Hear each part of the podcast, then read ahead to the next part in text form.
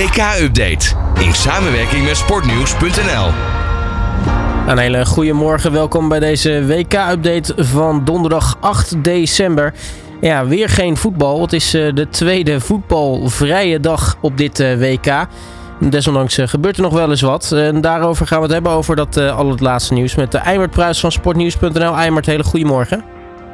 Ja, goedemorgen Robert. Goedemorgen luisteraars. Ik weet niet hoe het met jou zit, maar uh, ik, ben toch wel blij dat morgen weer uh, gevoetbald wordt. Ja, het is wel uh, inderdaad, ja, ja, het is een beetje afkicken. Je zit nu echt elke keer, eerst was het natuurlijk, had je de 11 uur wedstrijden nog. En toen op een gegeven moment alleen maar, begon het al om 4 uur. Dus had je al om 11 uur te kijken, hé, waarom is er niets op televisie? En nu zit je de hele dag door een soort, van, soort van reactie te krijgen met de afstandsbediening van, hé, waarom is er geen voetbal op op de tv. Dus nee, twee dagen is even rust. Het is even raar als je elke dag zo snel zo'n kort uh, WK hebt, wat zo heel snel zichzelf afwerkt. Ja, en dan even twee dagen rust. Dat is heel erg, heel erg wennen voor mij en waarschijnlijk vele anderen. En zo lang duurt het uh, WK niet meer, want uh, we gaan alweer beginnen aan de kwartfinales uh, morgen, waaronder de kwartfinale van Nederland. nou, ik zei het net al ja. even in de intro, hè, er is genoeg nieuws te melden rondom selecties en andere gekke dingen die op het WK gebeuren. Laten we beginnen met nou ja, de, de, de, Nederlandse selectie, want op zich, mm. dat lijkt vooralsnog eigenlijk gewoon een ctrl-c, ctrl-v te worden ten opzichte van ja, de vorige wedstrijd tegen Amerika. Uh, ja, sowieso uh, uh, wat betreft de, de, vermoedelijke opstellingen. Ik heb wat mensen gesproken ook vanuit het Oranje Kamp die daar zitten. En die geven ook aan van de Louis van Gaal lijkt eindelijk een beetje zijn popjes te gevonden te hebben. hij was vooral op het middenveld druk aan het zoeken naar een partner voor, voor Frenkie de Jong. Dat was natuurlijk vroeger uh, Jorginho Wijnaldum. En dat ging altijd heel goed samen. Goed, die is geblesseerd en die is ook een beetje gepasseerd uh, daarvoor. Dus ja, hij was een beetje lang op zoek. Maar het lijkt nu toch aan Martin de Roon iemand gevonden te hebben. Hè? De golfbreker, zoals we hem in Italië noemen. En dat wordt denk ik toch wel gewoon het, het koppeltje op het middenveld. Met daarvoor gewoon Klaassen. Want ja, die doet het goed. Ook al willen veel mensen zien dan liever Godi Kakpo op 10 en dan uh, de snelle spits erbij naast, naast Depay. En zelfs Depay heeft zelf ook gezegd dat hij liever Bergwijn speelt en een Gakpo op 10. Maar uh, Van Gaal had, houdt, houdt gewoon vast aan, aan de vorige wedstrijd. Dus inderdaad, de social media afdeling van de KVB zal een, een ctrl-c, ctrl-v'tje doen voor de opstellingen morgenavond. Aan de andere kant, never change a winning team. Dus nou ja, wie weet. Ja, zeker. Nee, goed, uh, dat is zeker een, uh, een, goede overweging. Ik weet niet of Van Gaal zo zelf over denkt. Hij zal er vast wel weer een, een andere twist aangeven. Um, het was wel opvallend overigens, want hij wisselde toen in de rust twee keer uh, tegen de VS. terwijl natuurlijk Oranje voor stond. En, maar ja, Oranje speelde aan de andere kant ook ja, erbarmelijk voetbal, om het zo even te noemen, om, naar te kijken. Dat was super effectief en ze stonden voor en dat is natuurlijk super, super goed. Maar op de een of andere manier greep Van Gaal toch in. En dat was dan misschien meer een tactische zet om het wat aanvallender te maken. Zodat ja, wat snelheid erin te brengen. Zodat er op de counter nog sneller gereageerd kon worden. maar dat gaf aan de andere kant ook aan dat het toch niet helemaal, ja, dat het niet helemaal, helemaal lekker zat hoe het, hoe het speel, spel was. Het spel moet nog steeds stukken beter en dat erkennen de spelers zelf ook. Maar dat willen ze wel gaan doen, tenminste in ieder geval van Gaal met dezelfde basis 11. Nu wat mij eh, sowieso opvalt is de, de laatste paar dagen, hè, de, focus gaat naar Argentinië toe voor het Nederlandse elftal. Mhm. Wat mij opvalt heel erg, het, verschil is, is hoe relaxed het moment bij Oranje is. Hè. Er zijn eh, persconferenties uh, waar 150 journalisten op uh, terechtkomen. Je, kan met iedereen praten, het is allemaal hartstikke gezellig. En dan heb je aan de andere kant Argentinië, wat nogal een beetje in een soort van mysterie gehuld is. Wat zich heel erg afzijdig houdt en, achter gesloten schermen. Ja, ja, ik denk dat het een beetje mee te maken heeft met de druk die er bij beide ploegen ligt. Je hebt natuurlijk de ene kant heb je Argentinië. Uh, weet je wel, de laatste kans van Messi. Messi moet dit volk uh, vreugde brengen. Hij moet zichzelf ook ja, definitief zijn, zijn geweldige carrière bekronen. En ja, daar draait alles om Messi. En daar is de druk zo groot. Argentinië moet eigenlijk wereldkampioen worden. Of in ieder geval die finale halen. Ja, wat er dan gebeurt, dat, dat weet natuurlijk niemand. Maar dus Argentinië moet daar komen. Dus elke wedstrijd daar op weg naar is, is meer een stapje op weg naar die, die, die wereldtitel. Dus die druk ligt heel hoog. En dat merk je ook bij de Argentijnse selectie. Uh, dus die, die, ja, die proberen zich toch een beetje afzijdig te houden. En ook Scaloni, de bondscoach, die probeert zoveel mogelijk de troepen bij elkaar te houden. En zo min mogelijk uh, naar de buitenwereld te tonen.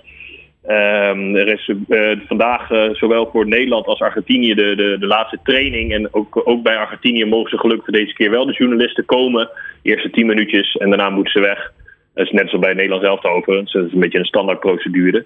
Maar daarna dan gaat, wordt er allemaal dingen bekokstoven bij Argentinië. En bij Nederland is de, de relaxe sfeer. Hè, ze gingen naar de, wat gingen ze naar de sauna, een, luxe boottochtje. Andries Nopper, de keeper, nog nooit dat meegemaakt, zoveel luxe. Um, en, en gaat er allemaal lekker wat relaxter aan toe. Dat komt ook wel dat je de sfeer in Nederland is nog steeds van ja, uh, leuk en aardig dat oranje. Maar we worden natuurlijk nooit wereldkampioen. En dat is een beetje de sfeer. De druk is totaal anders dan ook misschien andere jaren met oranje. Uh, en ook de, de, internationale buitenwacht. Die vinden het wel interessant wat er gebeurt met oranje. Maar ook doorwege het spel denken ze toch van ja, Nederland moet nog naar Argentinië en misschien daarna tegen Brazilië. Ja, die, kunnen het, ja, die maken toch geen kans op de wereldtitel, wordt nog steeds gedacht. En daardoor is een beetje de sfeer ook heel anders. En de enige eigenlijk die zegt, oh ja, Nederland kan wereldkampioen worden, is, uh, is de bondscoach Louis van Gaal. Maar voor de rest is het druk er totaal niet. En ik denk dat ook, dat ook een grote rol speelt bij uh, verschil van sfeer binnen zo'n selectie tussen Argentinië en, en Nederland. Een van de, grote namen bij Argentinië is natuurlijk die van Lionel Messi. Uh, nou ja, het algemeen geaccepteerd feit is dat als je Argentinië wil pakken, je toch Messi uit de wedstrijd moet houden. nou, is één ding wat, wat meevalt, is dat nou, ongeveer zijn persoonlijke bodyguard, Rodrigo de Paul, mogelijk ontbreekt in de kwartfinale tegen Nederland vanwege blessure. Ja, dat is wel jammer. Of ja, jammer eigenlijk een grote aderlating als dat zou zijn. Al al, al, vallen de berichten een beetje uiteen hoor. Ik bedoel, het zal net maar zo kunnen zijn. Net wel, net niet. Een beetje zoals Nijmar toen. Alleen is de blessure wat lichter bij, uh, bij De Paul. Uh, maar ja, De Paul is een beetje ja, de bodyguard, wordt hij genoemd. Hè? De, de, de grote, de grote vriend van, uh, van Messi. En hij heeft ook wel eens gezegd dat hij, dat hij een oorlog zou willen beginnen voor Messi als dat, als dat moet. En uh, dat hij ja, zijn leven zou willen geven voor de wereldtitel van Argentinië. Om Messi te helpen natuurlijk aan die geweldige uh, titel wat nog ontbreekt op zijn uh, palmares. Dus eigenlijk doet iedereen Argentinië echt alles voor Messi. Niet alleen de, de, de, supporters en het land, maar natuurlijk ook de spelers zelf. En De Paul is een beetje daar de belichaming van. Hè? Die, die uit het helemaal, die doet echt alles voor voor Messi. En niet alleen buiten het veld, ook op het veld zie je dat hij gewoon al het vuile werk opknapt. Uh, de tijd dat Messi meeverdedigd is al heel lang achter ons. Dus dan heb je wel iemand nodig die uh, daar achter het vuile werk opknapt. En dat doet hij uh, dubbel en dwars. En bovendien is de bal los daarvan. Het is geen ouderwetse poetser. Het is ook gewoon nog een gewoon hele uitstekende voetballer. Dat wat betreft uh, Nederland en Argentinië. Uh, er is natuurlijk nog veel meer gebeurd op het uh, WK. denk maar aan bijvoorbeeld de enorme verrassing van, van Marokko tegen Spanje. Nu blijkt daar tijdens de penalty-serie toch wel een, een, leuk verhaal achter te zitten. Met in de hoofdrol keeper Yassine Bonou. Ja, Bonou ja, werd een uitblinker in die wedstrijd. Hij hield alle penalties van Spanje tegen. Ehm, nou ja, Bonou is een uh, Marokkaanse keeper, maar die keept al heel lang uh, in Spanje bij Sevilla. Dus hij kan zijn Spaanse taal aardig machtig. Er zijn er overigens wel meer hoor. Ashraf Hakimi is geboren in Madrid. zo zijn er meer met Spaanse invloeden. Net als wij natuurlijk ook een gedeelte van de selectie Nederlandse invloeden hebben. Maar die Bonu die, ja, die spreekt dus ja, goed Spaans. En die kent natuurlijk ook heel veel van die spelers van het Spaanse elftal. Dus die ging ondertussen dat die, uh, ja, dat die spelers de balletje neerlegden uh, om het penalty te nemen. Begon hij een beetje tegen ze te praten. Ja, dat staat nergens in de FIFA-reglementen dat het niet mag. Dus hij begon een beetje, ja, hoe zeg je dat, te trash talken. Dus hij begon een beetje met, hey, let op, let op, ik zie al waar je de bal heen gaat schieten. Ik ga je opeten, broer. En dat soort teksten kwamen eruit. En ja, blijkbaar heeft het ge gewerkt, want ja... Spanje wist geen enkele penalty uh, nou ja, fatsoenlijk in te schieten. En elke keer zat Bono erbij om uh, de bal tegen te houden. Dus dat ging hartstikke goed. En het was een beetje een bekroning van Marokko op een eigenlijk hele slechte wedstrijd. Want uh, als we één ding terugblikken op de achtste finales was, is wel dat er heel veel doelpunten vielen, dat er best wel veel spektakel was. Maar dat de uitslagen overal wel logisch waren, of in ieder geval de, degene die doorging. Behalve dan in het geval van Spanje en Marokko. Maar dat was echt een qua doelpogingen, qua qua uh, schoten op doel was het echt een, treurige wedstrijd. Uh, beide ploegen die vrij verdedigend speelden en liever niet weer een tegendoelpunt wilden hebben uh, dan zelf heel veel te willen scoren. En Marokko ging daar, ja, kwam daar fortuinlijks mee om, omdat zij blijkbaar de penalties een stuk beter hadden geoefend. En daar is ook wel heel veel kritiek op hier in Spanje. Ik woon hier zelf in Spanje ik heb het aardig meegemaakt, ook heel veel uh, volksfeesten hier uh, vanuit de grote Marokkaanse gemeenschap. Dus dat was wel mooi om te zien. Gelukkig ging, ging dat allemaal redelijk goed, dus dat was allemaal, uh, allemaal heel positief. Alleen ja, de Spanjaarden zijn hier echt niet te spreken over vooral de bondscoach en over die penalties. En over die wedstrijd zelf. Kijk, als zo'n wedstrijd zijn ze altijd blij met tiki-taki, wat ze gewend waren van vroeger. En dat deden ze deze keer ook weer. 80% balbezit, wat, wat niet meer. Uh, ze hebben records gebroken dit WK van de meeste passes rond, uh, rondspelen. Hè. Rodri kwam zelfs tot meer dan 200 passes in een wedstrijd. Dat is nog nooit gebeurd. Um, en, maar ja, het leverde helemaal niets op. Ze waren nul effectief. Ze bleven maar rondspelen zonder een kans te creëren. Uh, en uiteindelijk bleek dat ze die penalties nauwelijks hebben geoefend. Tenminste, ja, je zag hoe slecht ze in worden geschoten. Oké, misschien heeft bonus, bonus trash talking geholpen. Maar het was echt ja, echt voor de Spanjaarden echt heel erg triest. De Spanjaarden zijn echt heel erg boos ook op de bondscoach. Van hoe kan je nou niet de penalties hebben geoefend? En het lijkt echt, ja, het leek echt helemaal nergens op. Dus ja, wat er verder gaat gebeuren, er is nog niet echt een besluit over Of wel bij Duits, Duitsland overigens, die dus al een, stage, een stadium eerder eruit vlogen. Uh, daar mag Hansi Flick gewoon blijven zitten. Maar Luis Enrique die zit op de schopstoel. En ze hebben zelfs al nieuwe kandidaten aangekondigd. Maar er is nog geen Tenminste, worden gesproken over nieuwe, nieuwe trainers. Maar er is nog geen besluit genomen. Uh, maar goed, uh, ja, het was een hele interessante wedstrijd. Denk ik wel de, meest interessante wedstrijd. Ook al was de wedstrijd niet om aan te gluren, maar qua resultaat. En zeker natuurlijk voor de grote Marokkaanse gemeenschap in de verschillende landen was het natuurlijk uh, ja, groot feest. En ben benieuwd wat ze gaan doen tegen Portugal. Maar goed, we hebben eerst morgen nog de andere twee kwartfinales die ook tegen elkaar komen. Natuurlijk met Kroatië, Brazilië en daarna natuurlijk Nederland-Argentinië. En dat zou wat mooi zijn, want ja, als Nederland wint, hè, dan gaat het dus tegen misschien Brazilië. Uh, dus het zou, Nederland heeft in ieder geval wat heel wat moois uh, staat te wachten uh, morgen en de komende dagen. Absoluut. en nu is er sowieso ook, als we het toch even kort over Brazilië hebben, daar is ook wel wat kritiek op. Maar dan voornamelijk op de manier hoe ze doelpunten vieren. Ja, het klopt. De, ze, hebben een, ja, ze hebben een stuk, van, een stuk of twaalf dansjes ingestudeerd al voor het WK. Dus ze gingen er al vanuit dat ze minstens 12 doelpunten gaan maken. Nou, die voorspelling komt redelijk uit. Um, en elke keer hebben ze een ander dansje. Uh, en een van die dansjes is de, de, de, de pigeon dans. De, de, dat noemen ze dus de dans van de duif, zeg maar.